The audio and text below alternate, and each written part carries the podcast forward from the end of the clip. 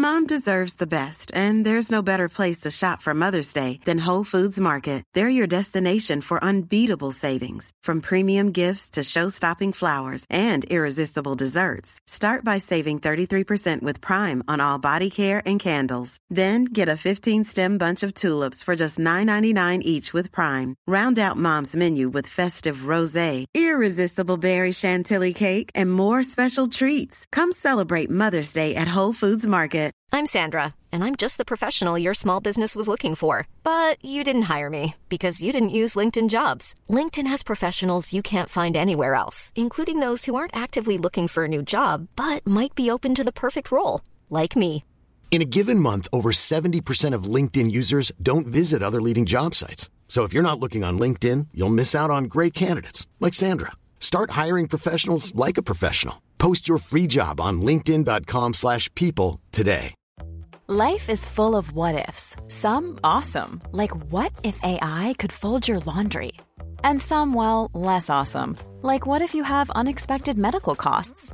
United Healthcare can help get you covered with Health Protector Guard fixed indemnity insurance plans. They supplement your primary plan to help you manage out of pocket costs. No deductibles, no enrollment periods, and especially no more what ifs. Visit uh1.com to find the Health Protector Guard plan for you. Many of us have those stubborn pounds that seem impossible to lose, no matter how good we eat or how hard we work out. My solution is PlushCare. PlushCare is a leading telehealth provider with doctors who are there for you day and night to partner with you in your weight loss journey. They can prescribe FDA-approved weight loss medications like Wagovi and Zepbound for those who qualify.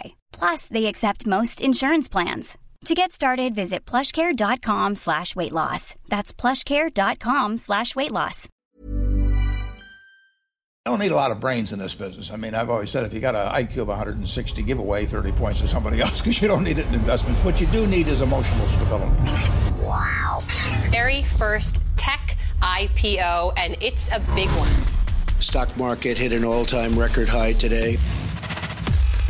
A crash is coming. Now, whether it's six months from now, 12 months, 36 months, no one knows. There's a bear market about every five years. We've gone eight years without one.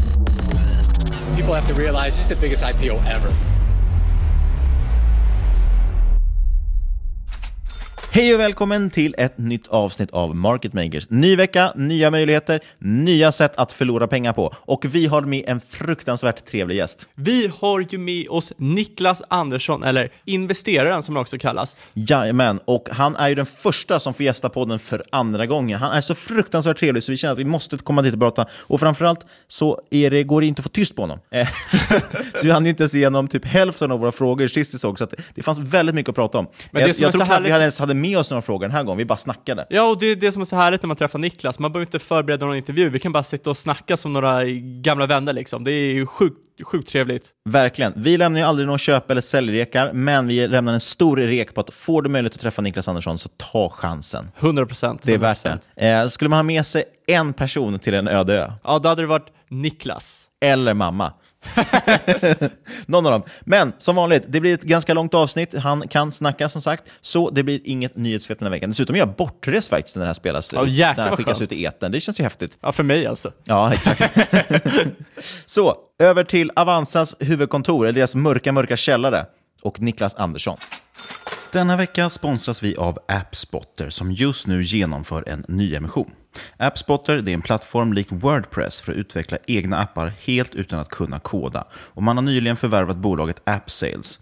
Förvärvet av AppSales erbjuder enligt AppSpotter själva stora synergier, bland annat att man får in många nya kunder, kassaflöde samt tillgång till ett starkt globalt nätverk. Teckningsperioden för den här emissionen den pågår fram till den 28 september och ni kan läsa mer om den på ipo.se. AppSpotter handlas under ticken APTR och är noterade på Spotlight Stock Market. Stort tack, AppSpotter. Då säger vi för första gången i Market Makers historia välkommen tillbaka till podden, Niklas. Åh, tack! Kul att höra. Vad har hänt sen senast? Jag tror börsen har gått upp ändå hyggligt sen vi såg. Så jag funderar på det lite grann nu när ni kom idag. Men, men eh, jo, börsen är upp. Svenska börsen är uppe i alla fall på svag krona om inte annat. Men vi har haft Apple, en triljon, eller en biljon blir det ju, one trillion dollar. One trillion, men det är coolare att säga one trillion. Ja, det låter faktiskt bättre. Amazon också var uppe och touchade. Eh, hur ser du på börsen just nu? Börsen har ju, alltså, börsen är inte högt värderad just nu. Varken i USA eller i Sverige egentligen. Men det, det, sen får man ju också fundera lite grann på, är de här vinsterna som vi ser just nu uthålliga? Eh, vi hade, bara i höstas så har börsen gått ner från 17 ner till runt 15, alltså P talet 14-15 är det historiska snittet. Vi är nere på 14 eh, på eh, nästa års framåtblickande P tal Så det är inte jättehögt. Men sen får man ju också fundera lite grann på, för att som vi alla vet OMXS30 är ju värdeviktat. Så att vilka, vilka bolag är det som förväntas öka vinsten och vilka kanske kan falla tillbaka lite grann. Bankerna skulle kunna vara en sån sektor som driver på om det är så att vi får lite stigande räntor. Eh, vi hade ju Riksbanksbesked här igår, nu när vi spelar in det här då.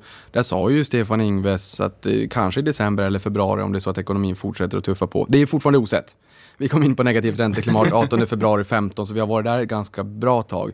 Eh, här, om bara några dagar så är det ju tio år sedan Lehman Brothers föll i USA och vi har ju ett årtionde med ganska eh, ganska knepig börsvärld och mycket liksom expansiv penningpolitik. Det här projektet med negativa räntor har vi aldrig sett förut. Eh, så det, det är mycket som kan hända när vi rullar tillbaka det här. Men Likväl, bara för att komma tillbaka till just värderingen, det är inte, det är inte jättehög värdering i ett historiskt mått. Jag tror att vi pratade om det här sist också, just med att det framåtblickande P talet kring 2000 var 27. Mm. Eh, och då hade vi en ITHs 2007-2008 finanskrisen, då fick vi en, en, eh, ekonomisk kollaps när det var, liksom, vi hade ju ingen koll egentligen på, på riskerna i bolagen. Det vart en systemchock och man var rädd för att vem tusan där ute sitter på Svarte Petter. Jag står inte här och säger att det inte kommer komma en sättning igen, men jag tycker, det här blir en lång utsvävning, men jag tycker att många frågar sig, ah, men när kommer nästa krasch då? När, går vi ner 50% igen? Det är ändå ganska ovanligt. En lågkonjunktur eller en recession är ju inte lika ovanlig. Men det är ju snarare halsfluss, det är ju inte intensiven att sväva på liv och död. Nej, men kollar man rent historiskt sett så de här 50-procentiga nedgångarna, det är ju väldigt, väldigt eh, sällsynt. Det är bara det att vi hade IT-bubblan och sen finanskraschen ja, vi har ju lärt oss, vi har blivit inprogrammerade på något sätt nu att det ska vara var tionde år ska det komma en krasch. Liksom. Eh, det är väl lite den tesen vi driver, driver är just det att det vi ser nu på vinsterna det är ju peak earnings antagligen. Och att vi, vi, liksom, vi håller på att lämna högkonjunkturen och då kommer vi få, då måste man ju justera ner allting. Eh, men annars så är de, absolut, de vinster vi ser är ju inte liksom jätte, de är ju höga och de ser ju bra ut. Men det är därför det också, eh, folk förväntar sig att de inte kommer vara lika höga framöver. Nej, och det såg vi också i rapportsäsongen. Jag menar, rapportsäsongen var bra både i Sverige i Q2 och jättebra i USA. De, eh, vinsten där steg ju nästan 25 procent. Eh, på grund av skattelättnader? Delvis på grund av skattelättnader. Och jag menar, det där är den största skattereformen på 30 år när man går från 35 procent ner till 21. Eh, och det där kommer ju falla ur rullarna nästa år. För nästa år när vi är glada i hågen och kanske ligger på stranden, om vi har tränat så kan vi ligga på stranden och inte stå i vassen, då kommer det ju vara jämförbara siffror då kommer vi ju inte jämföra med innan skattereformen utan då jämför vi med efter skattereformen. Ehm, så det, men det, det, är fortfarande strukturella skiften. Jag kan lite filosofiskt fundera kring vad händer med konjunkturen? För att bara för ett tag sedan så pratade vi mycket om att det var en, en eh, synkroniserad global tillväxt. Nu är den inte det. Nu är det väldigt mycket stök. Fed har höjt räntan. Ehm, vi ser att dollarn stärks. Vi har lite oroligheter med handelskonflikten med Kina. Vi har oroligheter domestikt Turkiet. Tillväxtmarknaderna går, har det jättejobbigt. Det är inte roligt som ett tillväxtmarknadsland. Ehm, om det är så att du har mycket upplåning i dollar egna valutan faller, dollarn stärks, inte roligt alls. Eh, så att nu är ju inte världens tillväxt lika globaliserad, eller lika synkroniserad. Men, men, frågan här det är ju vad händer med tillväxt och med cykler och allting vi har lärt oss när världens största ekonomi, världens största kapitalmarknad genomför den största skattereformen på 30 år. Och vad gör det med cykeln? Eller när vi, får till, eh, när, när vi ska skala tillbaka de kvantitativa lättnaderna det är jättemånga osäkerhetsfaktorer där ute. Absolut, speciellt när man kollar liksom hur många bolag som är tungt belånade. Och det är någonting jag börjar se över, i alla fall bolag i portföljen. Vilka har långfristiga skulder? Vilka av de skulderna kan bli jävligt tunga att bära? De ja, måste rulla över räntan. Vi har ju pratat om det förut. Eh, Jesse Felder pratar ju, myntar uttrycket zombieföretag. Att i princip så pass många företag ändå har ju byggt upp sådana skulder så att när räntan på dem går upp så kommer i princip all vinst gå, eller alla kassaflöden i alla fall gå till att bara serva den skulden. Liksom. Och då får du i princip ett zombieföretag som inte gör någon egen vinst. Utan man bara betalar av till sina skulder. Och det här, det här gäller ju även länder, för där har vi den utmaningen också, nu inte Sverige, men i många andra länder i de utvecklade delarna av världen som har skulder som är över 100% av BNP och där frågar jag mig lite grann, vad händer? Alltså, I Sverige så, så kan vi ju inte riktigt påverka Riksbanken. Vi ska inte göra det, vi får inte göra det. I USA, där kan man fråga sig om, om man får göra det eller inte. Trump, han gör ju som han själv vill och har ju skickat ett starkt signalvärde till att han tycker ju inte kanske att det är vettigt att de ska göra det. Men de ska ändå vara fristående i alla fall. Men, men vad händer när inte bara hushållen har hög skuldsättning, bolagen har hög skuldsättning, men även länderna? För är det så att då räntorna börjar ticka uppåt, ja men då är det ju klart att då ska ju de där räntebetalningarna betalas. Så vad händer om vi får börja höja skatter runt om i länderna, vi får missnöje och ja, det ska bli intressant att se vart hän det bär. Sen är det ju klart, det är ju många andra bolag som inte har hög skuldsättning. Så det, det, det, är ju som alltid, det är, det är stockpicking som gäller. Men det är intressant som ni säger, de bolag med hög skuldsättning, vad händer där om det är så att räntorna börjar ticka uppåt, likväl som att det kanske är produkter som är konsumentrelaterade. Alltså den typen av produkter som man på marginaler inte kommer fortsätta konsumera när ens bolånekostnader tickar uppåt och pengarna ska gå till annat. Eh, ja, ett stort problem känns väl någonstans har väl Riksbanken grävt sitt eget, sin egen grav. För det de, problemet är att man har ju grävt och grävt det där håret och sänkt och sänkt räntan för man hoppas ju få igång inflationen. Så att köper man statsobligationer så hoppas man att inflationen skulle göra dem värdelösa. Liksom. Det är väl det som är det största problemet, att man inte fått igång inflationen och då blir skulderna alltför mycket värda. Men vad tror du, för Ingves sa ju nu senast också att han var inte främmande för att köpa andra obligationer än statsobligationer. Har han ju nämnt. När tror du att han börjar köpa svenska fonder, svenska ETFer som Japans centralbank? Oh, det... och vad köper han då? Vilken fråga Niklas. Nej men, nej men det här är intressant faktiskt för att eh, i Japan, precis som du är inne på, det var väl eh, mig veterligen världens största pensionsfond. Nu kan ju folk tänka, ja men Niklas du brukar ju säga att norska oljefonden, det ju, äger ju 1% av äh, världens alla aktier, det är ju liksom 8000 miljarder. Men jag tror att det var 11 000 miljarder i Japan som skulle skifta om en del mera mot aktier. Eh, och där, ja, läskigt. Jag vet inte riktigt vad som händer där. Det är en enorm elefant som ska gå in och, och självfallet så trycker det ju kurserna på, på aktiemarknaden och kanske skapar risk för implicita bubblor. Eh, det är ju någonting annat, om jag bara svävar iväg, som också gör det. Det är ju mera indexförvaltning. Vi tar ett amerikanskt index, exempelvis S&P 500, alltså de 500 största börsbolagen i USA, det vet nog era lyssnare. Eh, det är ju 26,5% tech nu, eller var i alla fall några dagar sedan innan den här lilla tech-sell-offen. Här för en tid sedan hade vi tech-wreck. Mm. Eh, och nu har vi haft en liten... Ner, ner i 1%. ja, men precis. Det, det, det, står faktiskt inte i skolböckerna numera att börsen kan ju faktiskt gå ner också. Eh, men, men tittar man där, alltså många av de här bolagen som har gått ner lite grann har ju gått upp väldigt mycket bara senaste året. Men det, det är intressant det där, 26,5% då, eh, av S&P 500 är tech. Vad händer om det är så att vi får en sell-off, man säljer sina indexfonder och så Ja, men det, då ska det skalas mera tech. Någonting annat som amerikanska medier har rapporterat om här under sommaren också, det är en vanlig klassisk eh, sektorrotation från tech till healthcare.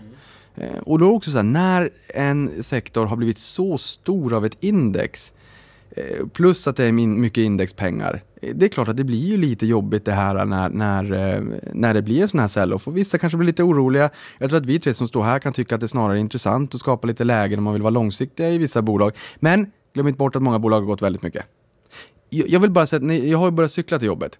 När jag cyklade i morse så min hjärna går alltid på högvarv. Mm. Och då började jag tänka på den här lilla tech-sell-offen som en öl.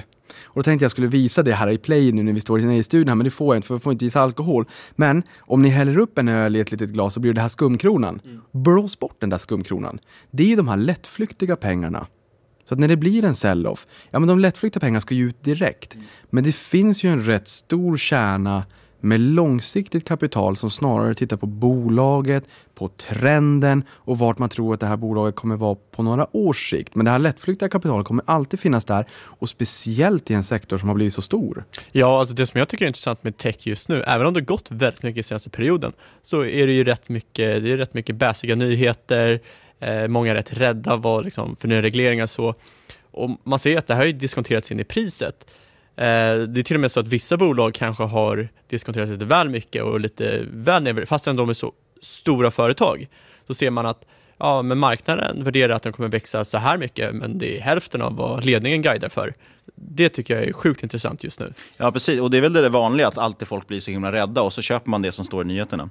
Det är det, lite svårt för med eh, alltid folk också som pratar, som du sa, så här, folk frågar när kommer kraschen, när kommer kraschen? För de tänker att då ska det vara köpläge. Problemet är att när man är i en krasch, speciellt när det är så pass illa som till exempel finanskrisen, då tror man ju inte att det ska vända.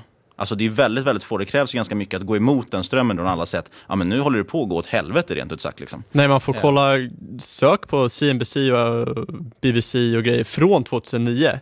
Och då, då säger du liksom, då börjar ju marknaden gå upp lite och alla nyhetsartiklar var ju, ah, nu kommer det vända, då kommer det vända, då kommer det vända. Så alla var ju förberedda där liksom, att det skulle, i alla fall retail-personer, att det skulle vända igen.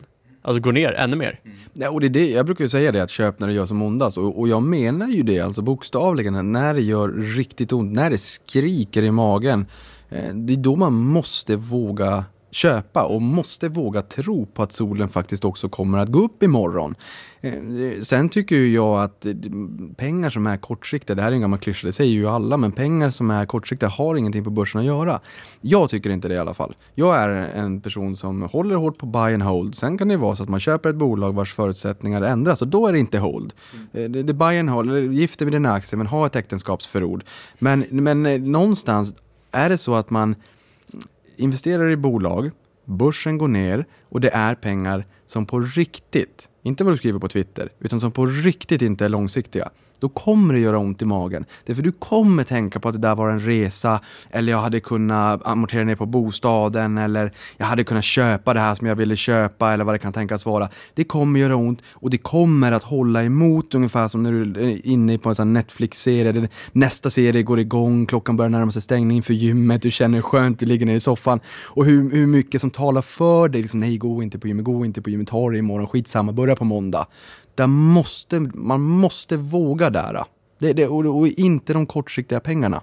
Var ärlig mot dig själv. Där tyckte jag ganska, vi träffade ju Magnus Andersson tidigare idag. Eh, det avsnittet släpptes ju dock två veckor innan det här blir det va? Bara så folk vet, det blir lite konstigt här med tid, vi reser lite i tiden och så. Eh, men han så tyckte jag sa en väldigt bra grej också, just med att har man gjort också tillräckligt research på ett bolag, att man känner att man verkligen vet, man inte bara plockat det på rekommendation från någon annan eller något man läst på Twitter eller något.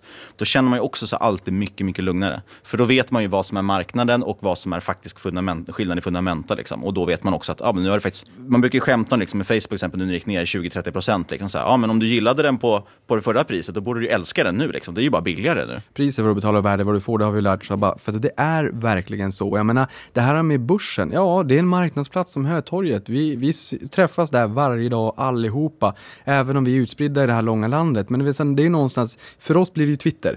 Mm. Vi samlas ju i Twitterflödet, vilket jag tycker är fantastiskt fenomenalt roligt. Det här fanns ju inte för ett antal år sedan. Det är otroligt kul, men om, eh, om vi står där och sneglar lite grann på en aktie och tycker att den ser så mysig ut. Och sen så kommer det någon, det här är ett ny, en ny liksom, eh, exempel som jag har börjat dra här nu på senare tid, att det kommer någon eh, och ska köpa äpplen. Så att vi, vi tittar på, någon, på äpplen, liksom, så att mm. säga. de kostar 39,90 kronor kilot. Och så kommer någon som är jättestressad, springer före oss i kön, är nästan otrevlig och bara tränger sig förbi och säger jag betalar 500 spänn kilot, ge mig bara äpplena, betalar och springer därifrån. Mm. Vi kommer ju fortfarande säga att jo, men det, där är ju, det där finns ju en jättediskrepans mellan eh, värdet på, på, eh, på äpplena egentligen och det priset som personen betalade.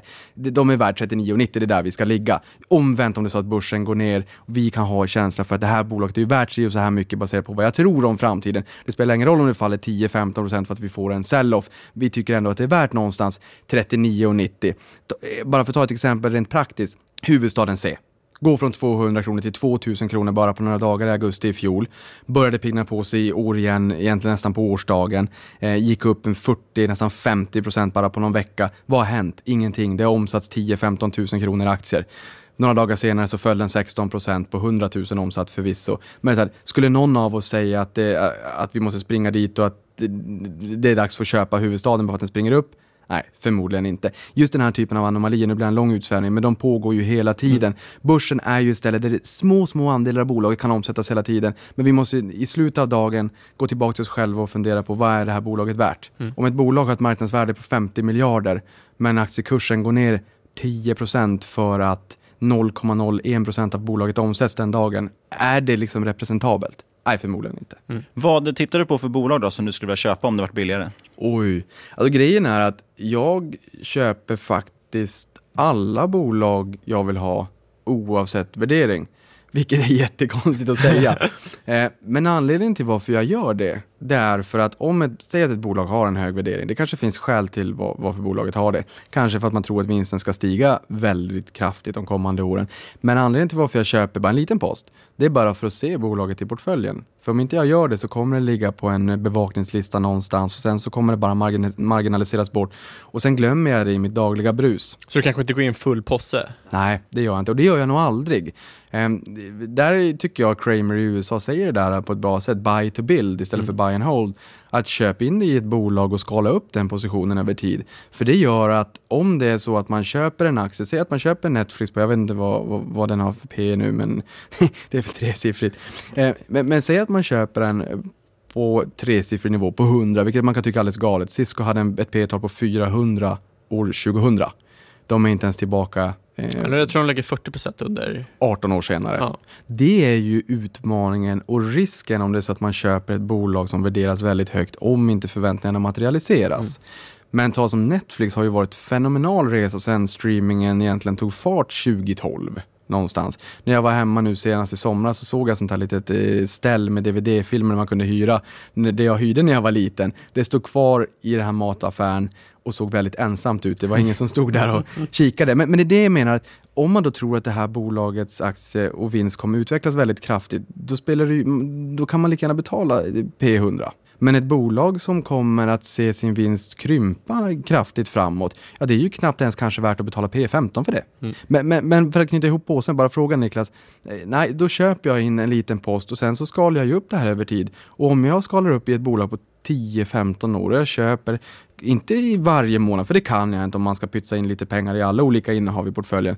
Men ingen kommer komma ihåg den värderingen jag köpte när jag tog in min första position. Nej, så är det Det blir ju, man ska ju tänka långsiktigt. Det är många som inbillar sig själva, i alla fall att de ska vara långsiktiga.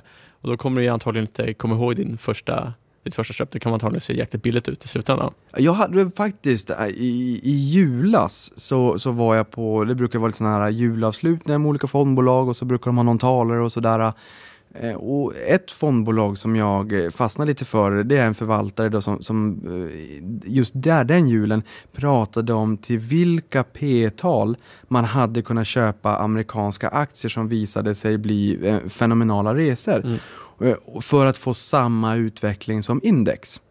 Så att om det är så att du hade betalat P15 för dem, ja då hade det varit sån överavkastning så att det hette duga. Men till vilket P-tal hade jag kunnat handla de här aktierna för att ändå få samma Eh, avkastning som index i snitt? Och det är P40-50 på jättemånga välkända bolag som har blivit fenomenala resor just för att vinsten har växt snabbt. Och jag tror att det är svårt för oss att någonstans känna att ja, men det här bolaget, ta Storytel som exempel, det pratade jag om sist när jag gästade er podd. Eh, ja, men det, det kanske är hög värdering och så de växer snabbt, men det kostar att växa och allting. Men vi kan ju kanske inte riktigt förstå hur stor den marknaden potentiellt skulle kunna vara i framtiden. Utan man tittar hur stor är marknaden idag? Hur stor marknadsandel har ni av den befintliga marknaden idag? För att det här med hur stor marknaden är om 5, 10, 15 år om vi tillåter oss vara eh, långsiktiga. Det är helt omöjligt att säga. Och jag tror att man blir överrumplad över de bolagen som går bra, hur bra det faktiskt kan gå. Man ser inte skogen för alla träd. Det där är en jättebra poäng för att eh, skulle man värdera Amazon för 20 år sedan, då hade man ju kollat hur stor bokmarknaden var eh, för alla bokförsäljare och hur, liksom, hur brett de skulle kunna bre sig, hur många procent de skulle kunna ta av den totala bokförsäljningsmarknaden. Man hade inte tänkt på att de hade blivit den största cloud computing-tjänsten i världen. Nej, samtidigt har jag lite, jag måste ändå invända, för jag har ändå lite ja, svårt för, för att om man då ska köpa på saker på vilken värdering som helst, då köper man ju också Cisco på 400, på PE 400, för att man vet att så, ja, men de kommer ju bli världsledande. Alltså, det liksom. finns ju också det här uh, growth at a reasonable price. Jo, precis, men, och det är det som är frågan, och jag tycker att för, för få frågar sig det om man har det, till exempel i Amazon eller Netflix eller så. Ja, det, blir, det är ju lätt att folk kan räkna bort till exempel tresiffriga P tal bara för att de har lärt sig i en bok att man ska köpa P15 och eh, det är basta.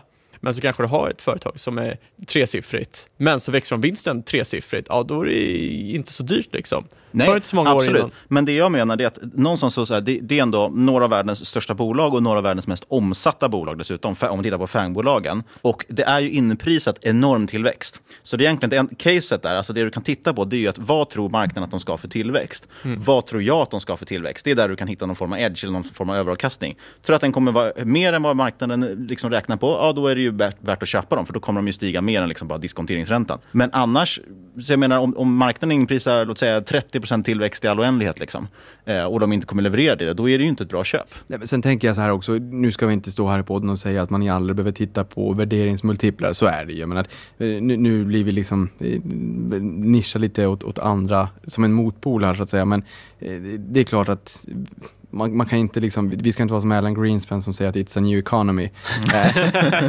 Även om det är en ny ekonomi idag. Det, det, får man ändå någonstans filosofiskt reflektera kring. Jag menar, har du en bra app, en bra tjänst eller eh, vad det kan tänkas vara. Du kan ju få en global världsmarknad på några dagar. Och det ser vi ju inte minst i gamingbolagen. Så att det är en ny ekonomi, men det innebär ju inte att det är en ny ekonomi värderingsmultipelmässigt och att vi bara måste omkullkasta alla gamla sanningar. Men Amazon är ju, sånt, det är ju också ett spännande case. Jag menar, eh, när de kom in på börsen 97, de tiodubblades första året. Det var en ten-bagger för att, liksom Peter Lynch-referens. Eh, refer, referens om man då säger att, ja men du vet du vad, om du behåller den där så kan du få nä, numera nästan 100 000 procent till. Då hade de nog tyckt att nu är du, du gå och lägg dig, ja gå och sätt dig. Men, men, så var det ju också, just det här med att det är svårt att se skogen för alla träd. Sen är det ju en solskenshistoria. Det är ju inte, man kan ju inte bara säga, jo men köp alla dyra bolag för de kommer gå fantastiskt bra och sen mm. kommer bli det nya Amazon. Just Amazon är ju lite spännande för att dels så har man ju Eh, e-commerce eller e-handelsdelen som växer väldigt kraftigt. 49 procent av all omsättning online i USA går till Amazon. Det är ju helt fantastiskt. Eh, sen kanske det också betyder att man måste försvara sin andel. Eh, men de har ju gjort det väldigt bra. 64% av amerikanska hushåll har Amazon Prime. Sen har de ju andra delar också. Ni har ju Amazon Web Services med deras clouding-del som växer. Det exploderar ju där ute. Vi har Azure också i Microsoft, så det är ju, de är ju inte ensamma. Men de är ju dominerande när det kommer till eh, marknadspenetrationen inom moln. Sen någonting annat som många pratar om mer och mer, det är ju också eh, marknadsföringen som har blivit liksom en, en, ytterligare liten del av Amazon. Absolut, och det var ju någonting som jag, eller jag såg, tänkte inte på det för kanske ett år sedan. Det var ju förrän det kom, var det nu, eller var det förra kvartalet? De börjar liksom skriva om att ja, det är deras nya business, det är marknadsföring. Men, och, och jag håller med helt om att man, man som sagt, och det är det som är grejen som har hänt på marknaden också, är att i början på de här bolagen så underskattade man ju tillväxten. För då tyckte man att det var orimligt att Amazon skulle ta över världen. Det jag menar att nu känns det som att man snarare kanske gått över till att säga, nu tror alla att de kommer göra det garanterat och då är det redan diskonterat liksom. Så det är inräknat i kursen. Ja, det, det, finns ju en sån... Sen vet man inte, jag vet ju inte heller uppenbarligen och jag är ju definitivt inte lika vass som de, de duktigaste analytikerna sitter och kollar på det. Men...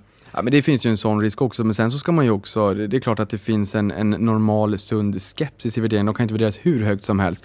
Nu när de kom in med senaste rapporten så växte ju vinsten 1200 procent. Det är nog ingen som egentligen blir förvånad över det, även även om det var högre än vad marknaden förväntar sig. Men det är så att de håller ju ner vinsten genom att man, man eh, använder ju pengarna så att säga genom att investera. Eh, och någon gång så kommer man ju släppa den där badbollen så poppar den upp eh, ovanför vattenytan. Men jag tror att det Niklas som du säger också, det är ganska sunt att vara lite skeptisk. Och jag hade blivit orolig om någon hade kommit till mig och sagt att jag har 100% Amazon i portföljen.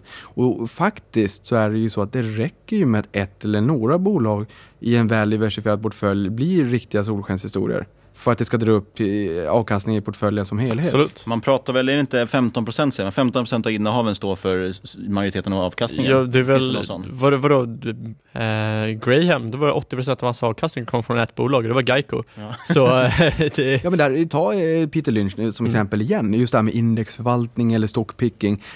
Ja, med Peter Lynch får man det bästa av två världar. För han var ju en stockpicker, han levererade ju 29 procent i Kagger mm. de 12 åren han körde eh, Fidelity Magellan Finland samtidigt som han hade över 1400 innehav. Så då kan man ju fundera sig, är han en stockpicker eller är han en global fond? Nej, nu var det bara i USA, men, men ändå.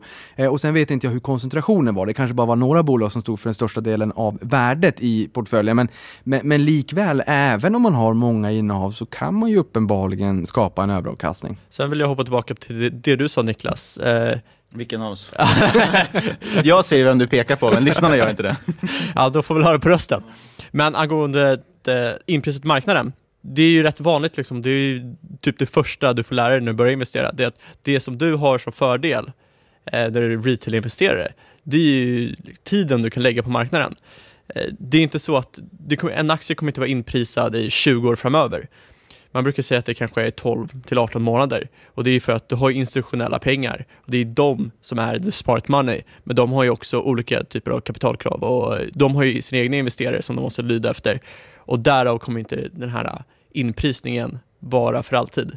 Absolut, och det finns massvis med nyanser. Jag tycker bara att man måste väga, det finns en, ena sidan de som säger att man kan inte köpa någonting över P 15 e liksom. Sen finns den andra klanen känns som, som tycker att man kan köpa precis vad som helst, det handlar bara hitta bra bolag. Och då tycker jag att så här, men man kan i alla fall räkna på vad som är inprisat. Absolut. Så har man ett, ett hum om det liksom, i alla fall, vad det är man köper för någonting. Egentligen. Det ja, men, det är ju viktigt. Ja, men jag tycker som du säger att det är viktigt att ändå förstå om värderingen är hög, förstå varför den är hög och vad som ligger i förväntansbilden i, i investerarkollektivet perspektivet och där finns ju, jag menar, det, det känner väl de flesta till med just PEG-talet också för att sätta P talet i, i, relation till vinsttillväxten. Och där kan man väl säga att ja, ett eh, PEG-tal på två brukar aktiespararna säga, mellan, mellan en och en halv upp till två gånger.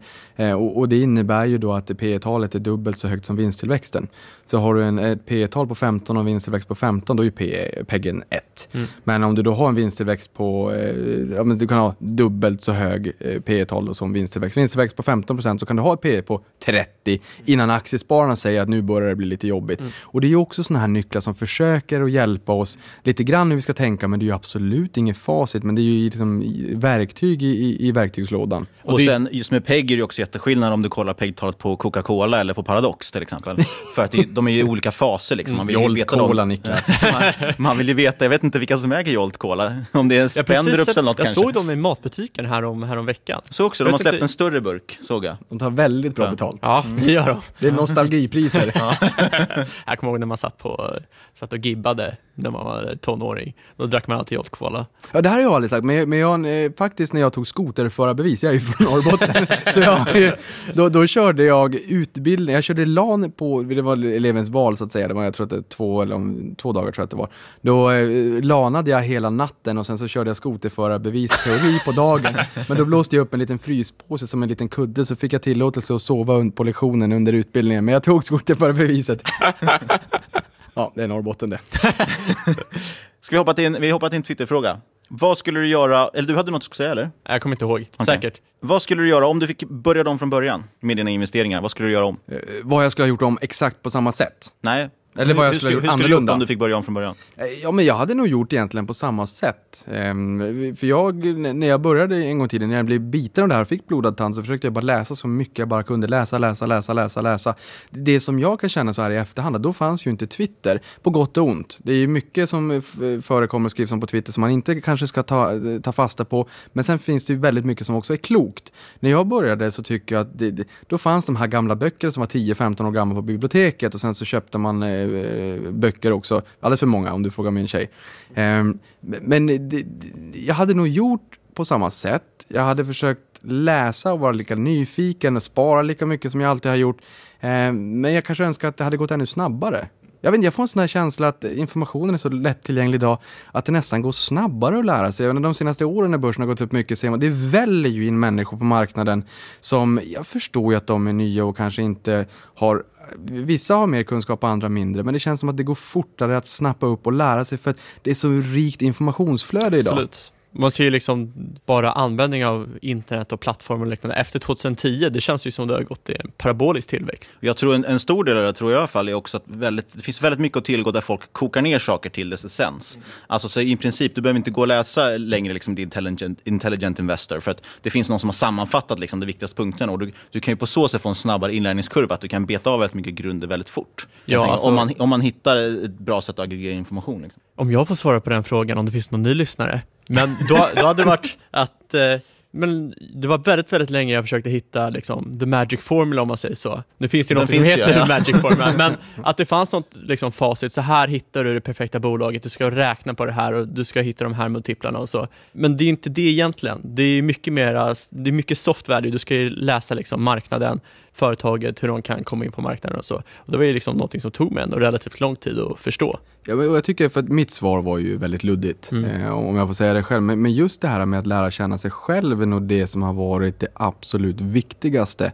Det är för att jag har sagt det tusen gånger, nu blir det tusen igen. Det finns lika många investeringsfilosofier som vad det finns investerare. Man måste lära känna sig själv, man måste kunna sova gott om natten, man måste veta varför man äger de bolagen man äger, för annars blir det jobbigt och inte köpa bara på andras rekommendationer. Eh, så det är väl någonting, bara säga till mig själv om man reser tillbaka till att fortsätt gör det du gör, fortsätt läs på och, och liksom lär dig mer kring psykologin och, och lär känna dig själv och liksom din riskperception och hur du reagerar och sen agerar när, när det går dig emot. Eh, det är väl egentligen det. Det har väl varit mest nytta för mig tycker Mm. jag. Eh, för jag tror också att det är det som gör att det, det sabbar lite grann för en om det är så att man får ont i magen eh, och att man säljer av innehav som man i efterhand visar att man inte alls skulle ha sålt, kanske snarare köpt. Psykologin är jätteviktig. Men det känns också som den psykologin, det är ju någonting man liksom förvärvar över tid. Det är jättesvårt att säga, har man aldrig investerat då kan man ju tänka att 50% back, alla säger att det är lugnt, det kommer gå upp igen. Men sitter du där 50% back i något innehav, då svider det rätt, liksom, oavsett hur hårt psyke du tror att du har. Och jag tror det är en del av, av nybörjarfasen också, att man oftast kanske hoppar väldigt mycket med strategier. För då är det ju också så att varje bok man läser, eller varje artikel, om man går den vägen, eller så, så, så, så är det ju revolutionerande. Så Mm. första gången man läser typ Intelligent Invest tycker man sig fan, köpa grejer på under book value. Liksom. Det är ju revolutionerande. Det är så man ska hitta bolag. Och så börjar man screena på det. Liksom. Och sen läser man nästa, läser man en Peter Lynch-bok. Bara, "Aha, det är så här man ska göra. Liksom. Så att I början hoppar man ju tills att man har byggt upp en tillräckligt stor bas på någon, någon baskunskap. Och hittar dessutom, som du säger, hitta sig själv i det också. Ja, men vad trivs jag med? Okej, men jag kanske trivs med jättekort handel. Jag vill ha swing trading eller jag vill vara väldigt långsiktig. Det måste man hitta någonstans. Exakt, jag menar som mina två småbröder, eller lillebröder, de har ju blivit bitna av det här också, vilket är jätteroligt för mig. Och där kunde en, en eh, fråga i deras tidiga skede vara att, men herregud, börsen har gått ner jättemycket. Jag har förlorat så här många procent. Så, men vad är det i pengar då? Ja, 15 spänn! När de börjar komma igång. Det är så här, ja, men ju yngre du är, desto mera edge för att tala om tiden har du ju faktiskt på din sida. Det bästa som kan hända tidigt i en investerarcykel, det är ju att börsen kraschar. Det är det absolut bästa som kan hända. Det är också svårt om man är ny som i, i, i investerarvärlden att våga köpa när börsen har gått ner 50%, när löperna skriker att det är dåliga tider, när folk blir av med jobben och ja, ni förstår, och blodet flyter på gatorna. Det är då man ska våga köpa. Det kanske man inte gör om det är precis där och då man hittar till börsen. Då kanske man lämnar börsen och säger nej, det här verkar inte vara någonting för mig överhuvudtaget. Men få mina bröder att förstå att, jo men över tid, det mesta av pengarna som ska in i marknaden ligger ju framför er. Det blir mer komplext om det är en människa som är senare i livscykeln som ska börja använda pengarna eller att det är en människa som har fått en stor påse pengar och ska in med dem på börsen. Ja, men när ska jag in då? På en gång eller över 12 månader eller över 24 månader och jag tänker inte spara löpande. Då blir det fruktansvärt komplext tycker jag i alla fall. Absolut. Det håller jag med om. Och jag tycker det är, tyvärr är det ju ofta så det brukar upprepas att ofta någonstans där på toppen, det, det kommer ju in fler och fler människor alltid såklart när det går bra, för att då ser man ju andra som tjänar pengar. Och då är det många som bränner och så, sen så kommer man aldrig tillbaks. Alternativt då tio år senare liksom i nästa topp. Eh, och framförallt då, speciellt om man fått in mycket pengar så är det ju väldigt svårt. Och då ska man nog verkligen försöka diversifiera över tid. Liksom så. Men det här, ni, pratade om Joel Greenblatt också, The Magic Formula. Och där måste jag bara eh, fråga er då. Just det här, jag skulle inte kunna tänka mig riktigt att följa den där typen av modell heller. För att jag vill gärna hitta bolag som jag tycker är riktigt spännande. Där jag också investerar lite tem- tematiskt över tid och vill följa de här bolagen och kanske tror att marknaden kommer utvecklas på ett visst sätt och att bolaget kommer vara någonstans om fem eller tio år. Men att enbart eh, säga att man ska stipulera kanske, vi, vi leker med tanken P-tal under det ena eller andra och price to book under det ena eller andra och de bolagen som kommer där, det är de du ska köpa eller Dogs of the Dow eller vad du än vill investera i. Skulle ni vara konfidenta och bekväma med att köpa en lista med de bolagen bara rakt upp och ner utan att överhuvudtaget få bestämma bolagsnamn utan bara baserat på de parametrarna? Ja, men inte 100% av portföljen. Jag skulle kunna lägga en del av portföljen och jag har liksom prövat det här tidigare, eh, prövat lite kvantitativa modeller för att jag tycker liksom, det är intressant, men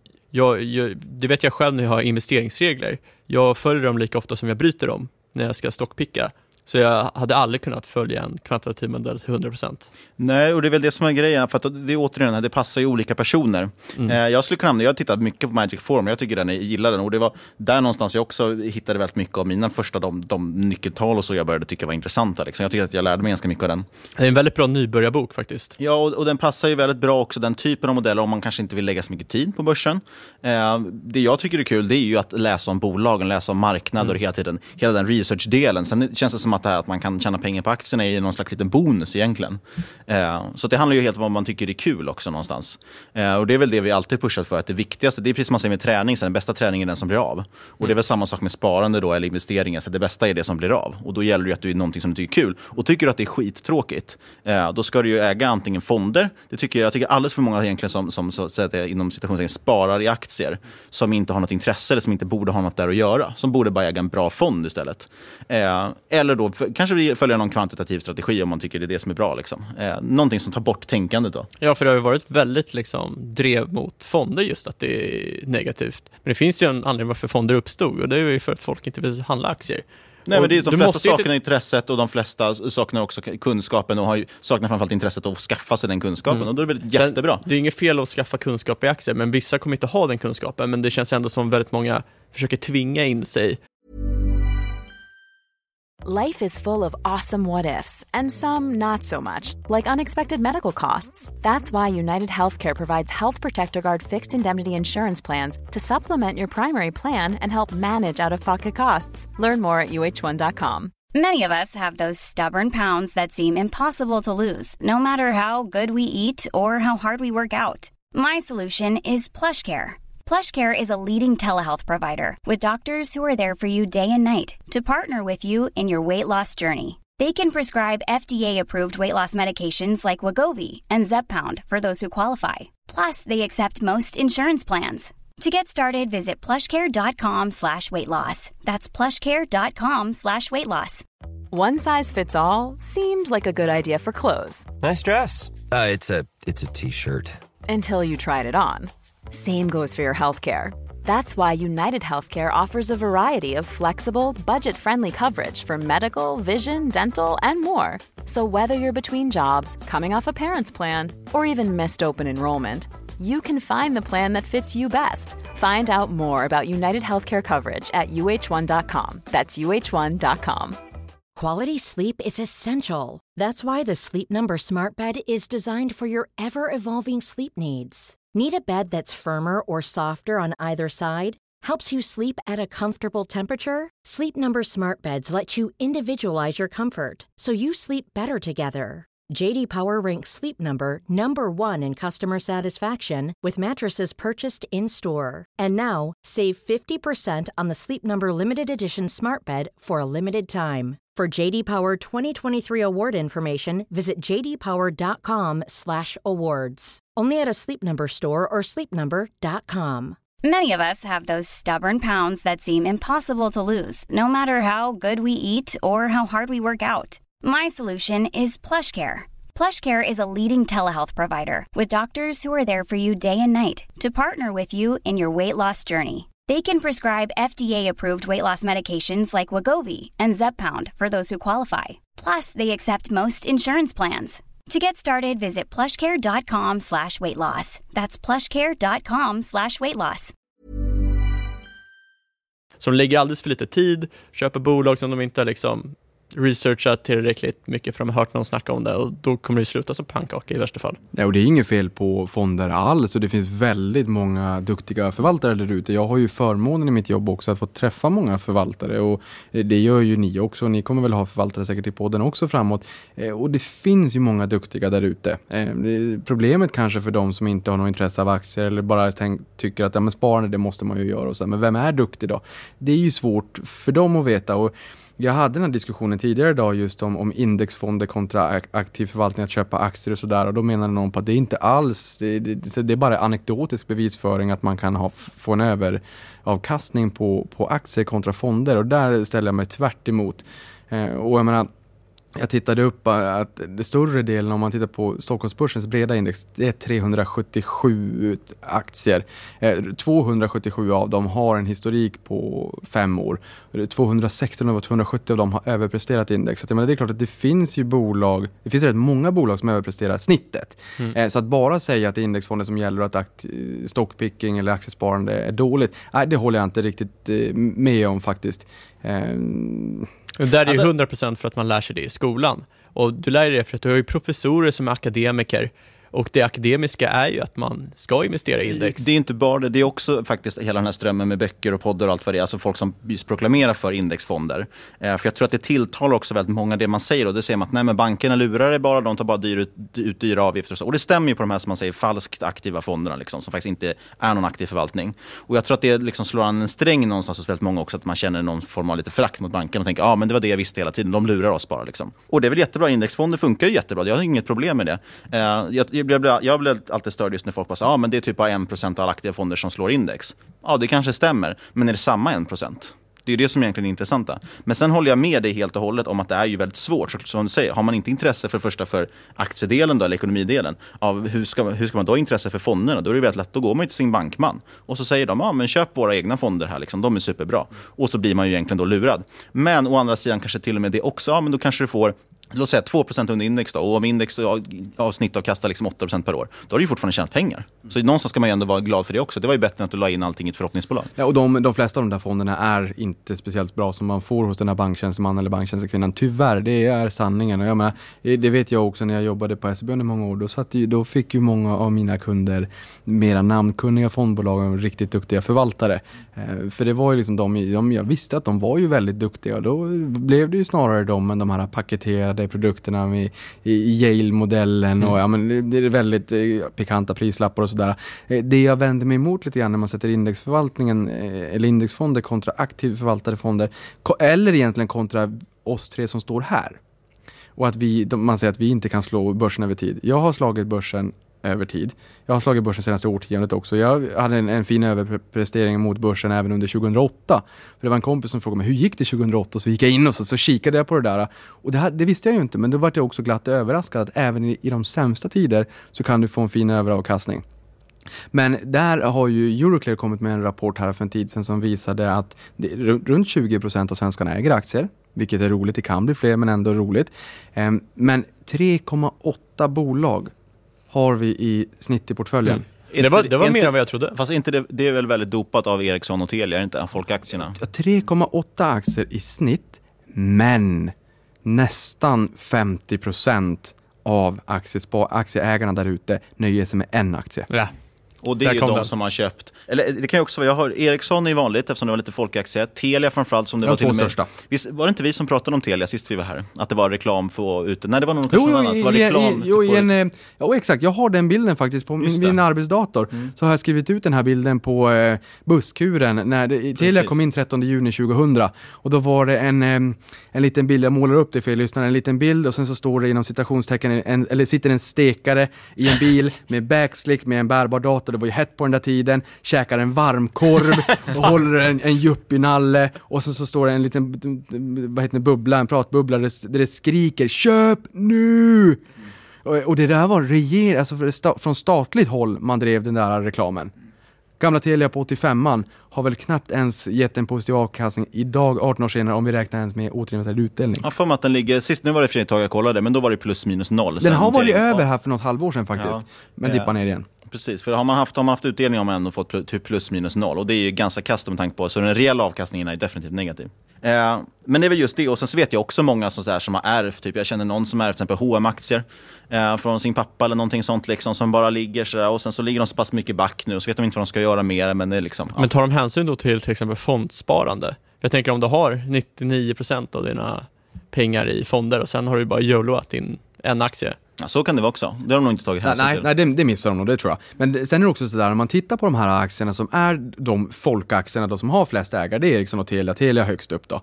Eh, då undrar jag lite grann, bara för att liksom nyansera det lite, hur många och vilka av de här aktierna ligger i gamla aktiedepåer innan investeringssparkonto och kapitalförsäkringen kom, där man inte vill rycka plåstret och inte liksom beskatta fram vinsten eh, och realisera det här, kontra hur ser ägandet ut om man köper nya aktier i ett investeringssparkonto eller i en kapitalförsäkring. Stocken är ju det gamla. Jag menar, min ordförande i Aktiespararna, ledningsgruppen jag sitter, han har aktier som är 100 år gamla. Mm som han har ärvt i familjen, alltså 100 år.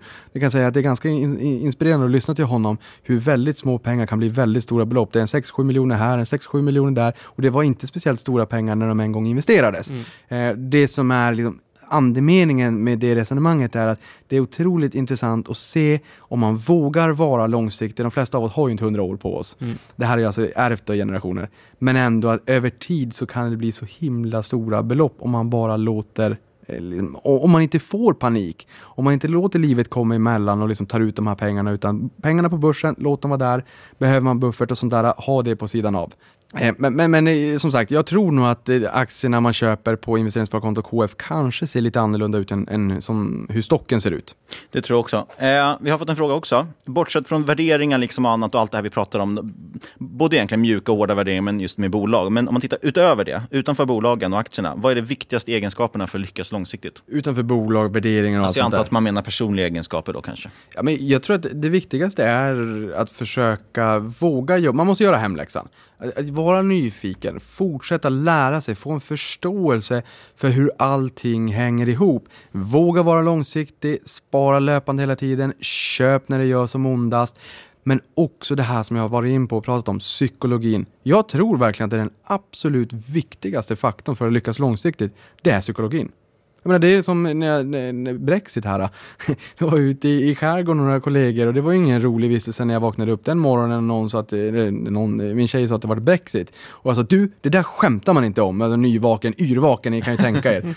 Jag sa, det blir Brexit. Nej men sluta. Och så tittar jag i telefonen, jo men det blir Brexit. Och telefonen ringer och produkter är knockade och det är det ena och det är det femte. Och ni kan ju tänka er hur Twitter bubblade.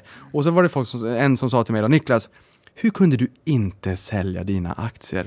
Du som proffs, om jag är proffs, det, det är jag inte. Jag, jag, jag liksom tycker att det här är roligt, men han skrev så. Jag tror ingen av, proffs, man ska vara försiktig med den termen. Eh, ingen har facit, det här är mycket psykologi, det, är mycket liksom, det är beteendevetenskap lite grann. Eh, så att, bort med proffs, men han sa så i alla fall. Eh, hur kunde inte du se det här och varför sålde inte du? Jag gjorde ju det här men det, det, det, funkar inte så för mig. Det är inte min filosofi. Jag köper hellre på om det blir lite oroligheter. Två veckor senare så hade vi hämtat oss från Brexit. Ja, vi, om det ens var två veckor? Ja, fjol, ja, två dagar. 14, dag, 14, 14, dagar, men inte 14 börsdagar, men 14 dagar. Ah, okay. Från 27 till... Jag kommer ihåg, vi skämtade lite om det, det var rätt roligt i år, för det var ju just det här med apropå överkasta index. Direkt köpte du på Brexit på den dagen. Det var ju den dagen var det stängt, det var ju midsommarafton vill jag minnas. Ja. Eh, för jag minns, du, kunde, du kunde ju tänk, ta hela helgen på det och tänka liksom. För jag kommer ihåg att jag var ute i skärgården i alla fall och skulle fira midsommar och så hade jag halvknackig uppkoppling liksom och så såg man det här, bara, okay, och så tittar man på alla index, bara, okay, det går, nu går världen under liksom, tror börsen i alla fall. Och sen så hade man hela helgen på sig på måndag och då var det bara att samla ihop så mycket pengar man hade och så man trycka in allting, köp allt liksom.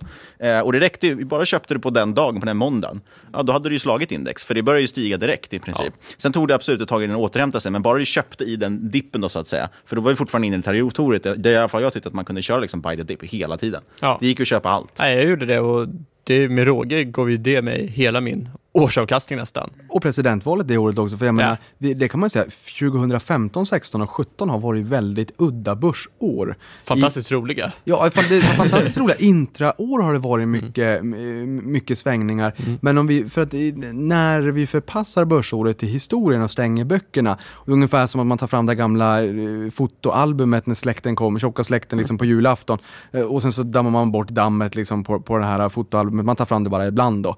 Så blir det ju också också med börsåren när, när tiden går. Alltså när man blickar tillbaka, hur har börsen gått tidigare? Det man, tittar man inte på varje dag. Men tittar vi på det nu, 15, 16, 17, det har varit upp en 4, 5, 6 procent någonstans. Inte något jättemycket, 4, 5 kanske, exklusive utdelningar.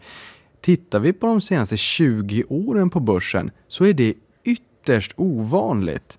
Eh, de åren där börsen har gått upp senaste 20 åren så har den gått upp i snitt 23 procent. Mm. De börsåren när det har fallit så har det fallit i snitt 19 procent. Det här har varit en, en riktigt konstig utveckling. Alltså det, det, är liksom, det är knappt någon volatilitet alls. Ni mm. vet ju VIXen, alla klagar på att den är så låg och allting. Det brukar röra på sig mycket mer, men desto större rörelser intraår då, både med Brexit och amerikanska presidentvalet 8 november. 9 november vaknade vi upp. Börsen är 3,6 procent på morgonen, stängde plus 1,2 procent. Terminerna i USA 17 gånger omsättningen, normal omsättning. De slog ju back ut. Eh, så att många av de här, jag håller med dig Niklas, buy the dip i många lägen. När man, man, här, har man varit med i börsen ett tag så kommer man ju ihåg det här. Jag kommer ihåg när jag vaknade den 4 januari på morgonen 2016.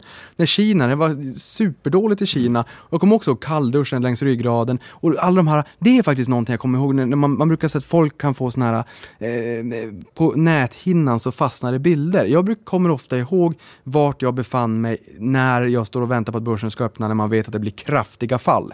Eh, oftast då har det varit bra köpläge, för det är mycket psykologi i börsen. En drama queen överreagerar ofta både uppåt och neråt. Jo, och det är det som är lite intressant också just med då väldigt många som är nya också, för då är man inte van med den volatiliteten just för att det har varit så senaste åren. Eh, för man har ju varit med varje dag, ja men det tickar liksom några, några promille hela tiden och så sakta men säkert så byggs det upp, speciellt om man har köpt lite andra bolag än det som ligger i index, för indexen har inte gått jättebra, utan det är ju enskilda bolag som har gått väldigt, väldigt bra. Eh, så jag tror att också det är därför många liksom reagerar på det. Man ser mycket det nu, att bolagen är 2% på en dag. Så de frågar, vad är det som har hänt? Vad är det som har hänt? Liksom? Vadå, det har inte hänt någonting. Det var fler som sålde än köpte. Liksom. Det är ju inte så mycket svårare än så. Nej, för det skrev någon, någon, någon liten tweet här för ett tag sedan också, att vi är ju ganska be, be, besatta av att vi alltid måste sätta ett epitet på hur börsen mm. går upp eller ner, eller som en post-it-lapp. Det berodde på det här och det här och det här. Och ofta så finns det någon form av konsensusuppfattning, lite grann vad det beror på, i, i större utsträckning i alla fall. Men ibland är det ju så att vi inte riktigt vet, utan så här, börsen är öppen varje vardag i princip. Och ibland går det upp, ibland går det ner, trots att det inte riktigt finns några starka skäl till det. Oftast är det, det är ju kanske någon som skulle rulla ut aktier från någon fond, eller det kan vara vad som helst. Liksom. Ja. Jo, det är, så här, det som jag sagt tidigare också, att om man, om man eh, står vid ett rödljus exempelvis, och sen så börjar det vara, samlas upp ganska mycket människor mitt emot mig på andra sidan gatan. Om jag stod vid rödljuset först, så kommer väldigt få människor att titta om man har tryckt på knappen. Sen går ganska många mot rött i och för sig. Men, men, men det är nog få som kommer titta på om man har tryckt förrän det börjar ta lite tid. Då kanske folk tittar. Och det jag menar med det här är ju att om börsen går ner, speciellt om börsen går ner lite kraftigare, en halv procent eller kanske två procent, då kommer folk tycka att ah, men nu vet alla andra vet mer än mig, jag måste också sälja, jag blir lite rädd, jag vet inte, men de vet nog. Mm. Och sen blir det den här flockmentaliteten och ibland är det liksom, det finns inte alltid skäl. Det här är så otroligt intressant att du tar upp det här, för att liksom, om det är en sak som nybörjare man ska lära sig, det är att liksom, världen kan ändras, men människan, vi, får, vi, vi, vill inbilla oss att vi är smartare idag än vi var för hundra år sedan, men vi har exakt samma mentalitet. Och det du säger med det här eh, trafikljuset, jag har liksom upplevt typ när jag var tonåring, var på festival, och så är det någon typ lång liksom, länga med toaletter eller bajamajor eller vad det är. Så ställer sig alla precis i början, för där står alla. Men går man bara in, eh, vad är det, fem meter, så är det helt tomt. Och varför är det det? Går, folk går ju inte dit för de tänker att någon annan har ju kollat. Exakt, exakt. Det är liksom number one, att, eh, och det är där, i sådana tillfällen, som du liksom, ja du får en helt ledig toalett, ja. som, är, som är ren. en egen toalett, du får inte dela den. Nej, och det är det som är grejen, det är därför det är så viktigt också att ha den, den, gjort en efterforskning först, så man vet vad det är för någonting man köper. Så man vet till exempel, det är intressant, vi har ju pratat väldigt mycket om Kina senaste halvåret. Eh, och då var det rätt kul, och vissa grejer har gått jättebra, men framförallt sen drog ju Trump på det med hela handelskriget och allting, och, och, och, det, och det har ju lagt sig som en våt filt över. Och det är ju jättemärkligt att ett bolag kan vara ner 20% när de bara jobbar med till exempel låt säga, streaming då, inuti Kina. Det är så här, varför skulle de påverkas av tullar på Harley Davidson? Liksom? Alltså det är helt orimligt. Och då är det alltid väldigt skönt att ha den här tryggheten med att man vet vad man köper för någonting. Och man ska liksom tänka lite mindre på det andra. Men för där tänker jag, ni är ju lite nyfikna på Kina och sådär också. Jag menar just det här med, ta Tencent som exempel, mm. internetundret. Där, vilk, alltså just den här politiska risken också, där har ni förmodligen bättre koll på än vad jag har. Men just när man då säger att ni inte får tjäna pengar på det här och det här och att det får en riktig kalldusch för sådana här aktier. Just att man inte glömmer bort att vissa bolag exponeras för politisk risk. Kanske ännu mer eh, bolag som är verksamma i Kina. Ibland kan, man ju, kan jag känna nästan så att ja, men de kinesiska bolagen har ju stenkoll på, de är ju eh, kinesiska med, med, med, regeringen betydligt mycket mer än ett amerikanskt bolag som ska försöka slå sig in på den kinesiska marknaden. Men uppenbarligen kan även de få problem på hemmaplan. Ta bara som ett exempel Electronic Arts som säger att um, App Store, då tar Apple ofta 15 äh, 30 och, och upphovsmakaren får eh, 70 eh, Netflix som ville runda App Store, då var ju dealen 15% istället. Det, det förstår man kanske om det är lite större bolag. Eh, Tencent, om Electronic Arts skulle ta sig in i Kina, då tog Tencent 70 procent. Och Electronic Arts fick 30 procent, vilket är helt galet. Eh, men just det här med att även, för man tänker kanske, eller jag tänker i alla fall, att eh, Tencent är en proxy mot Kina. Ja, finanschefen som, som sa det när vi, var, när vi var på en, en aktieträff på Electronic Arts. Eh, men just det här med att även Tencent som man tänker är allsmäktig inom citationstecken nu då. Även de kan få bekymmer på hemmaplan. Eh, har ni några tankar kring det? Har ni, jag utgår från att ni har följt Tencent. Absolut. Ja, vi har pratat ganska mycket om mm. Tencent och har ju Tencent bägge två i, i portföljen också. Alltså det finns ju två, två sidor av det. Delvis är det ju, det är också därför det har varit så intressant investeringsmöjlighet i Kina. Just för att som du säger, de har ju varit Kinis och det gör ju att på något sätt det är extremt svårt att bli konkurrent till de här. Delvis fick ju inte de amerikanska bolagen komma in. Från, från början får man, det får man ändå erkänna, då, då kopierade ju egentligen bara de kinesiska bolagen amerikanska tech-undren liksom. Idag är de ju något helt annat och något eget liksom. Men det var ju ändå det som var lite möjligheten. Plus att du har den här liten då rabatten just för att du vet att det är politisk osäkerhet. Det har gjort att bolagen varit mycket lägre värderade. Eh, men sen vet jag inte, absolut, det kommer ju lite grejer hit och dit och de, driver ju sin, sin agenda ganska hårt liksom, eftersom det är ett, en enpartistat. Eh, men någonstans får man väl ändå ganska trygg i att de, de har också en väldigt stor vallgrav av att de är tjenis med regeringen. Ja, det kan ju komma liksom, visst biter de lite, men fördelarna är ju oändligt mycket större än nackdelarna. Eh, I alla fall just där, plus nu att de ska introducera CDR och eh, kinesiska få börja handla liksom spegellistade bolag på amerikanska börsen. Ja, det är faktiskt eh, väldigt intressant. Och, det, och mm. det gör ju liksom att Kinas incitament för att bara liksom, för de vill inte ha den här kapitalflykten de har haft. Att, eh, om det är någon lyssnare som undrar så liksom, Kina har ju försökt stänga in sitt kapital, du får inte investera utomlands, du får inte ta pengarna ut.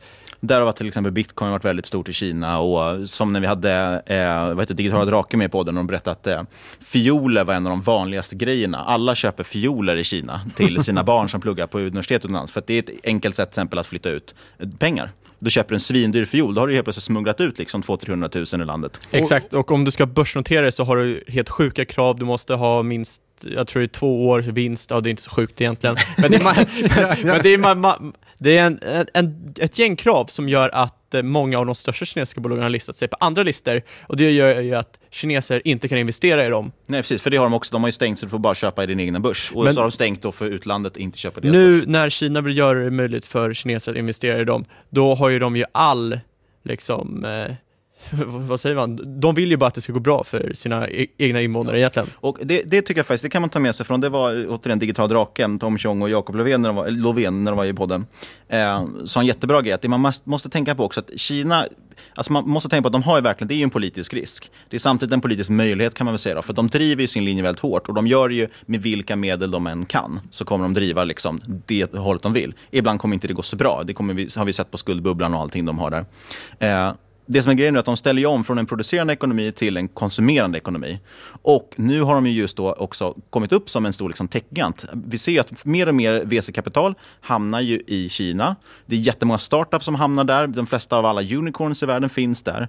Eh, och, och, det här vill ju de anamma. De vill ju bli den här techjätten. De vill ju att folk ska titta på Kina. Eh, och det kommer också innebära då att de vill hjälpa sina egna bolag. Så jag tror verkligen att de, de har en extrem medvind från staten. Sen kommer det vissa sådana grejer som det har varit nu med att man ska reglera lite på spel och sådär som det var med Tencent nu. Jag tror någonstans att det, det är inte jättemycket man behöver oroa sig för så. Jag tror däremot att handelskriget lägger ju verkligen en filt på. Framförallt när man stoppar eh, kinesiska investeringar i USA kan vara lite tufft. Men det här tänker jag också på den här kapitalflykten och sådär. Man, man har ju inte heller fått flytta ut pengar från Sverige. Mm. Eh, det är ju inte så länge sedan. Och är det så att man går till banken och ska göra en överföring utomlands så riksbanksrapporterar vi. Mm. Eh, varför man skickar de pengarna. Jag tror att om det är över 150 000 kronor så ska det gå en, det är bara som en standardgrej, men det går en rapport till Riksbanken och säger varför eh, man skickar ut de där pengarna. Jag menar, om man sett, så, inte Solsidan, eh, Sällskapsresan, mm. så gömde de ju pengar i ett hårdbrödpaket. Mm. Ja. Det var ju på den tiden. Då fick man faktiskt, jag tror att 15 000 och sånt där fick man ta ut på en charterresa. Mm. Eh, men, men, så vi har ju haft det även där. Någon, någonting annat som jag också blir lite nyfiken på, bara nu när jag har två masterminds med mig. Aha. Det är just... Eh, Proffs. ja, exakt. Aktieproffs. det, det, nej, men det är just det här eh, drivet mot indexprodukter och passivt kapital. För att, jag tror att vi pratade om det sist också, men just non-farm payroll 2 februari när vi, liksom, sysselsättningen utanför jordbrukssektorn, lönetrycket var lite högre än vad marknaden trodde, man var lite rädd, man undrade om Fed skulle höja snabbare och vad som riktigt skulle hända och sådär. Eh, den nedgången som vi fick den fredagen den andra och måndag den femte då, den var väl kanske inte jättestor i ett historiskt perspektiv, men det var en väldigt snabb nedgång. Och det undrar jag, hur, hur ser ni på det här med att att det blir mer passivt kapital, vilket gör att det blir mycket, mycket snabbare svängningar på marknaden. Det är fantastiskt för sådana som oss. För då kan ju vi liksom reagera bättre. Det kommer att bli större diskrepanser i värderingar. Eh, ja, samtidigt tycker jag inte man ska... Alltså, Ja, vi har ju pratat i och för sig väldigt mycket om passiva pengar och att det är en risk och sådär. Samtidigt om man faktiskt tittar på det största perspektivet, nu har inte jag siffrorna i huvudet bara för det, men det, det är ju en ganska liten andel fortfarande. Runt 20 procent i USA. Jag tror det är 16 procent i Sverige som är indexfonder, inte alla, in, alla passiva produkter, men bara Nej. indexfonder är 16 eh, procent i Sverige och runt 20 procent i USA. Av kapital eller volym? Eh, av kapital. Okay. Ja, då är det ganska mycket ändå. Jag hade för mig att det var mycket mindre. Men jag vet inte, det, det är klart att passiva fonder påverkar börsen. Eh, någonstans åter säger, det, det ska man ju snarare utnyttja som en möjlighet. För då, så länge man har koll på fundamentan. För då får man ju bara en starkare Mr Market som, som Buffett brukar säga. Liksom. Ja, och det är just det som är spännande. Att det kan bli lite mera, de bryr sig ju inte om värderingen i mm. bolaget. För att det är en indexfond som har en aktie som underliggande, då ska man ju köpa. Man får inflöde. Man kan ju inte göra något mycket annat. Och just det här med diskussionen om, om eh, indexfonder eh, och, och aktivt förvaltade fonder kontra en själv som stockpicker. Jag menar, det är ju som en, en fondförvaltare tänker som 2008 när börsen går ner kraftigt och förvaltaren kanske vill köpa mer aktier egentligen i det läget och kanske gör det också privat om man inte har alla pengar i fonden. Ehm, och då kanske den här personen köper mer privat men i fonden, om väldigt många människor trycker på säljknappen. Och man har, för ofta har ju fonder en liten likviditetsbuffert så att säga för att möta in och utflöden. Om den är borta så måste man hela tiden skala av. Och det där tycker jag det är något som man inte diskuterar riktigt så där mycket heller. Att man, man har ju tiden på sin sida på ett helt annat sätt som en enskild investerare som köper aktier. För man kan ju agera rätt i jobbiga tider. En förvaltare kommer tvingas inte alltid, men rätt ofta att ta inom citationstecken fel beslut och beslut som den här personen kanske inte hade gjort på ett privat plan. Absolut, det... bara det att de flesta fonder, eh, ja framförallt indexfonder får inte ha några likvider och då, då, blir, då kan du ju aldrig buy the dip. Nej, och det är det jag menar. Det är de svängningarna som vi pratar om som blir intressanta just för som du säger, för att folk säljer ju när de ser rött och de köper när de ser blått liksom, och så blir det egentligen helt fel. Det finns ju någon sån rolig faktoid. Nu är inte jag lika duktig på att komma ihåg siffror som dig Niklas, men eh, den fonden som var bäst presterande, det var väl efter IT-bubblan eller så. Det var en tidsperiod nu under 20-talet i alla fall. Eh, den fond som var bäst presterande, deras snittinvesterande hade ju förlorat pengar trots att det var den bäst presterande fonden i världen den perioden. Just för att alla köper och säljer på fel tillfällen. Mm. Eh, det tyckte jag var ganska bra. Du, du intervjuade väl Strand, eh, vad heter han nu? Johan Thorén. Precis. Eh, där tycker jag ganska intressant. De kör ju 30 dagar, de kör ju månadshandel till exempel. Och det är ganska intressant att lösa på det sättet. Så att gör man, om man har då liksom vanliga UCITS-fonder i Sverige eller, eller mutual funds i USA eller någonting sånt, så är det ju lite mer intressant att de blir lite långsammare. Det tror jag ändå är, är positivt. Liksom. Men det ser man ju också när man har, om man, ska hoppa, om man ska hoppa tillbaka till så här, kvantitativ offensiva strategier. Eh, till och med Greenblatt, han heter Greenblatt, eller hur? Joe ja. Greenblatt, ja. Eh, när han tar fram den här listan på 20 bolag, då har jag märkt att ja, men ingen här vet liksom vilka de ska köpa. Han vill försöka tajma, liksom, bara köpa de bra bolagen nu, skiter de dåliga, kommer få bättre resultat. Nej, du får snarare sämre, liksom, för att folk inte är så jättebra på att köpa och sälja och tajma in den säljningen. Ja, men det har vi också sett. Men vi har sett det i cannabisbolagen, vi har sett det i bitcoin. Många köper kanske den här, om man får kalla det euforidelen ja, av en uppgång. Och Eh, jag, menar, det, jag har även sett statistik från fondbolagens förening de senaste 21 åren när jag la ut den där, det är något år sedan.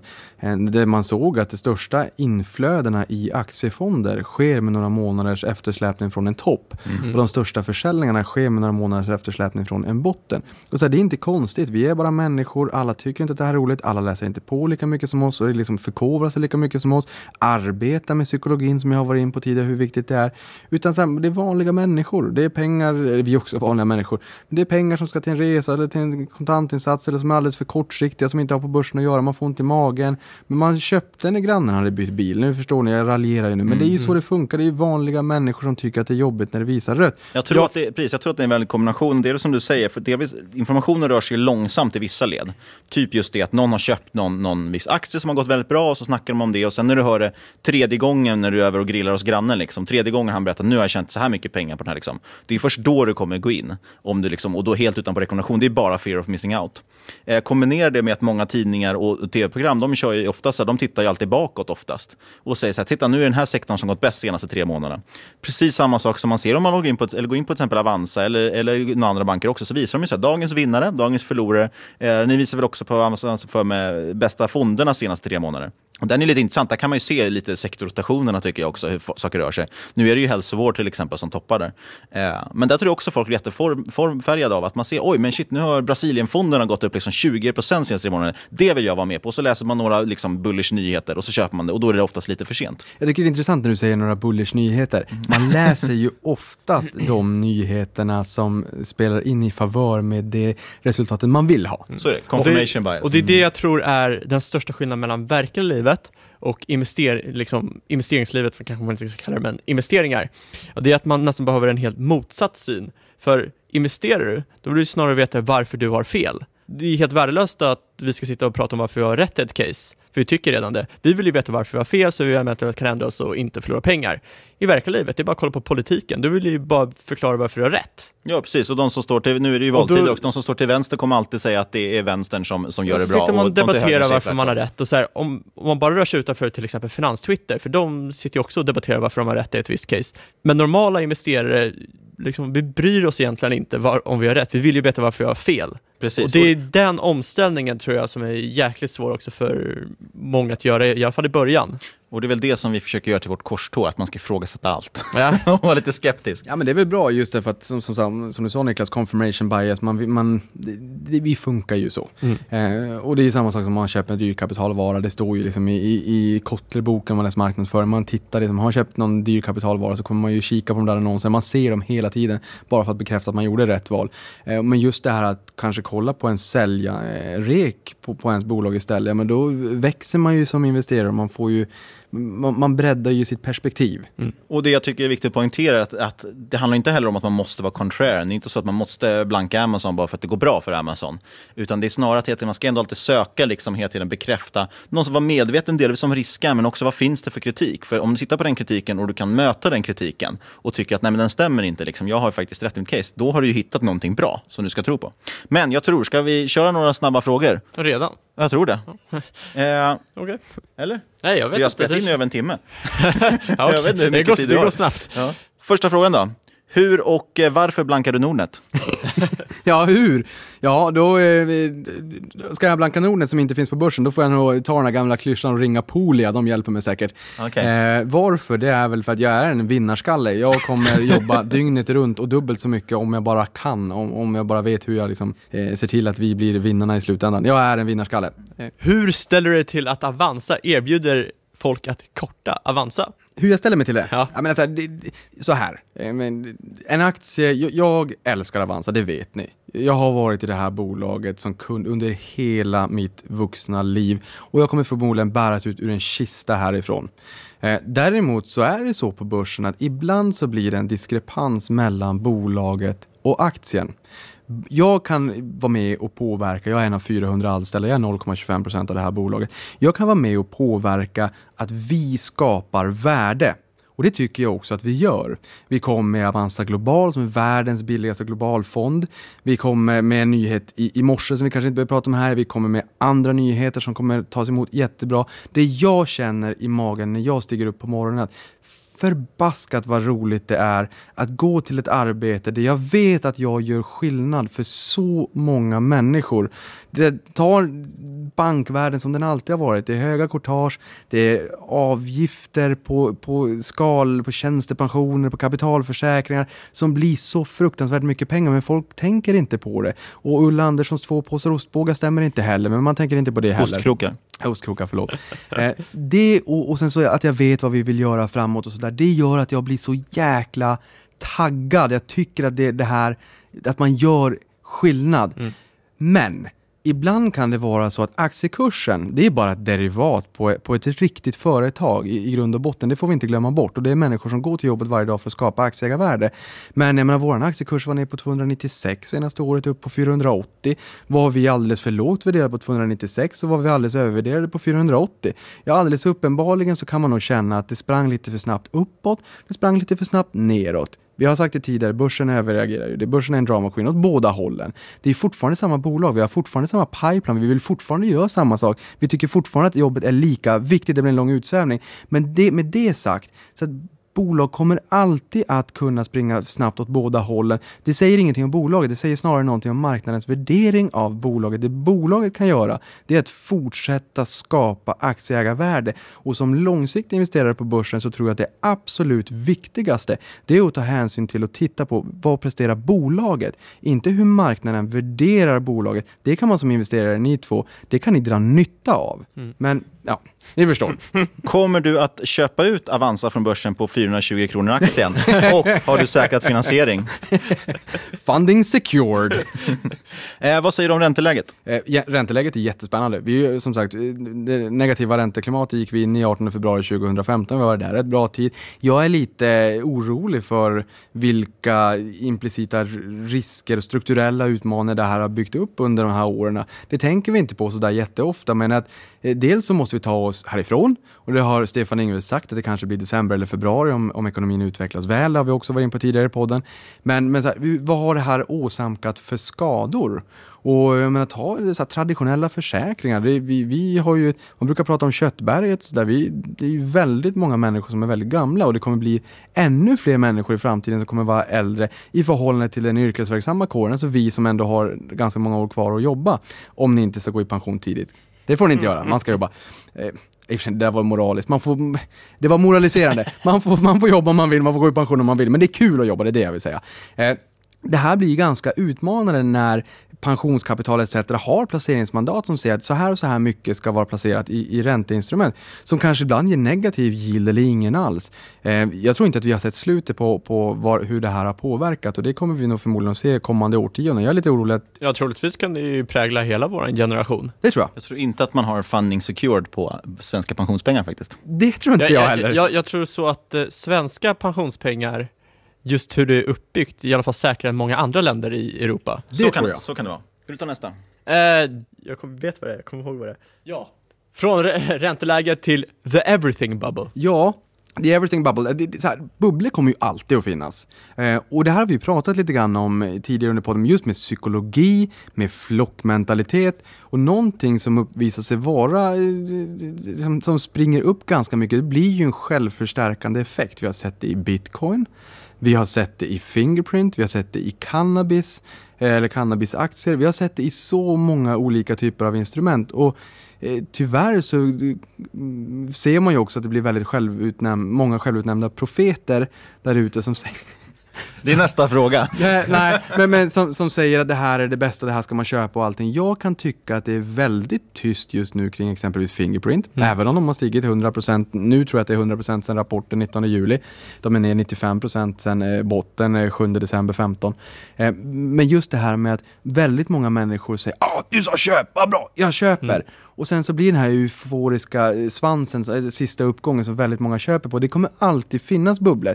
Det är väl därför också man kanske ska försöka lära sig lite mer, förkovra sig och lära känna sig själv, psykologin och inte äga innehav baserat på vad alla andra säger. Men the everything bubble, ja, det kanske är att vi har väldigt låga räntor på väldigt många ställen runt om i världen, vilket gör att pengar blir väldigt billigt, vilket gör att dumma beslut tas. Vi hoppar över profetfrågan och så frågar vi vad du tycker om trendföljande strategier. Jag tycker att trendföljande strategier är spännande, men det är ingenting som jag använder mig av själv. Jag såg en sån där graf från amerikansk media här för någon dag sedan som tittade på eh, value kontra just eh, momentum. Eh, och det har ju funkat de senaste åren, men det, är inte min approach, det är inte min filosofi. Så jag menar, jag vill ju hitta bolag som jag tycker är spännande över tid. Och de kommer jag ju äga oavsett om de, ja, om de har medvind just nu eller ligger över någon viss parameter som MA200 eller vad den kan tänkas vara. Det är inte min filosofi, men jag ser att det, det, det, det har blivit mer fokus på momentumstrategier och det är så här, ja, jag tycker att det är ganska spännande faktiskt. Lite kul att lära sig lite grann kring det. Det har ju funkat i alla fall hittills, men vi har ju haft en ganska, eh, ganska klar riktning på börsen också. Så är det absolut. Och, Hänger ihop med det vi sa om låg volatilitet och buy the effing dip. ja, nej men jag lyssnade på någon podd, jag kommer inte ihåg riktigt vem det var, som sa det att eh, skulle han lära ut, han var ju värdeinvesterare, men skulle han lära ut en sak just nu så var det ju liksom momentumstrategier. Just för att att eh, bara det här liksom, köp när det bryter MA200 och sälj när det bryter åt andra hållet. Ja, det, det, hänger väl lite ihop också med det vi pratade om. Att, ja, intresse och liknande. Precis, intresse. Har man inte intresse så är det en fungerande strategi. Vi brukar ju fråga om bästa respektive sämsta investering, men det har vi ju redan gjort förra gången vi är här. Så då måste vi göra en twist på det här och det blir, du får berätta nu ingående om din absolut sämsta investering någonsin och vad du skulle gjort annorlunda. Min sämsta investering någonsin? Oj. Ehm, jag skulle vilja säga att den som jag brukar ta upp som den sämsta, det är väl egentligen när jag lyssnade på en eh, vän som sa att ett bolag var väldigt bra och köpvärt. Ehm, och jag köpte in, nu var det inte några jättestora pengar, det var i början av min karriär, investerarkarriär också. Och det där visade sig, jag visste ju inte varför jag ägde det där bolaget och jag var ju inte konfident med att köpa på mig mer när det gick ner, för jag visste ju inte varför jag ägde bolaget. Vad var det för bolag? Black Pearl Resources. Um, så att det, det, var väl en, en läxa just att gör din egen analys, vet varför du äger bolaget du äger, för då är du konfident och då vågar du köpa på det mer när det går ner. Idag har jag faktiskt inga oljebolag, bara som en sån där kuriosa. Och sista frågan, vad ska man följa dig framöver? Det vet väl alla nu kanske, men vi säger det ändå. Ja. du har ju en ny podd sen sist väl? Eller hade ni precis lanserat den sist väl kanske? Eh, nej, men jag har eh, 11 december förra året så la vi ner Prata pengar och då var jag envis som en åsna som jag är så sa jag att jag kommer ju fortsätta med det här själv. Så då fick jag ju lära mig hur jag gjorde. Eh, tre personer gick ner till en och då fick jag ju lära mig tekniken och är man bara envis så går det ju. Så det är investerarens podcast sen 18 december. Sen har jag Avanza-podden med Johanna Kull också eh, här på Avanza då och sen eh, Avanza Play kör ju lite grann och sådär, men eh, sen är det Twitter. Mm. Eh, och det är vi ju allihopa på. Investeraren.twitter, ätinvesteraren.twitter. Punkt Twitter säger jag, på Twitter. är det en given följrek där? Ja, exakt. Ja, och även eh, marketmakers.twitter. ja, men då säger vi stort tack. Tack. Tack hörni. Ja, och vi pratar ju om väldigt mycket saker. Eh, som vanligt, inget du hört i den här podcasten ska ses som rådgivning. Alla åsikter är våra egna eller vår gäst och eventuella sponsorer tar inget ansvar för det som sägs i podden. Och tänk på att alla investeringar förknippade med risk och sker under eget ansvar. Men kontakta oss jättegärna på podcast marketmakers.se eller på Twitter, snabel marketmakerspod. Det är på Twitter det händer och lämna jättegärna en recension på iTunes. Spana gärna in ipo.se, vår härliga samarbetspartner. Och sist men absolut inte minst Fabian, vad säger vi då? Tack för att du har lyssnat kära lyssnare. Utan dig hade det här inte varit möjligt. Så är det, och stort tack till Niklas Andersson, för utan honom hade inte det här avsnittet varit möjligt. Det hade blivit väldigt konstigt om det var tyst varje gång han skulle prata. vi hörs igen om en vecka. Puss och kram. Skubbarna.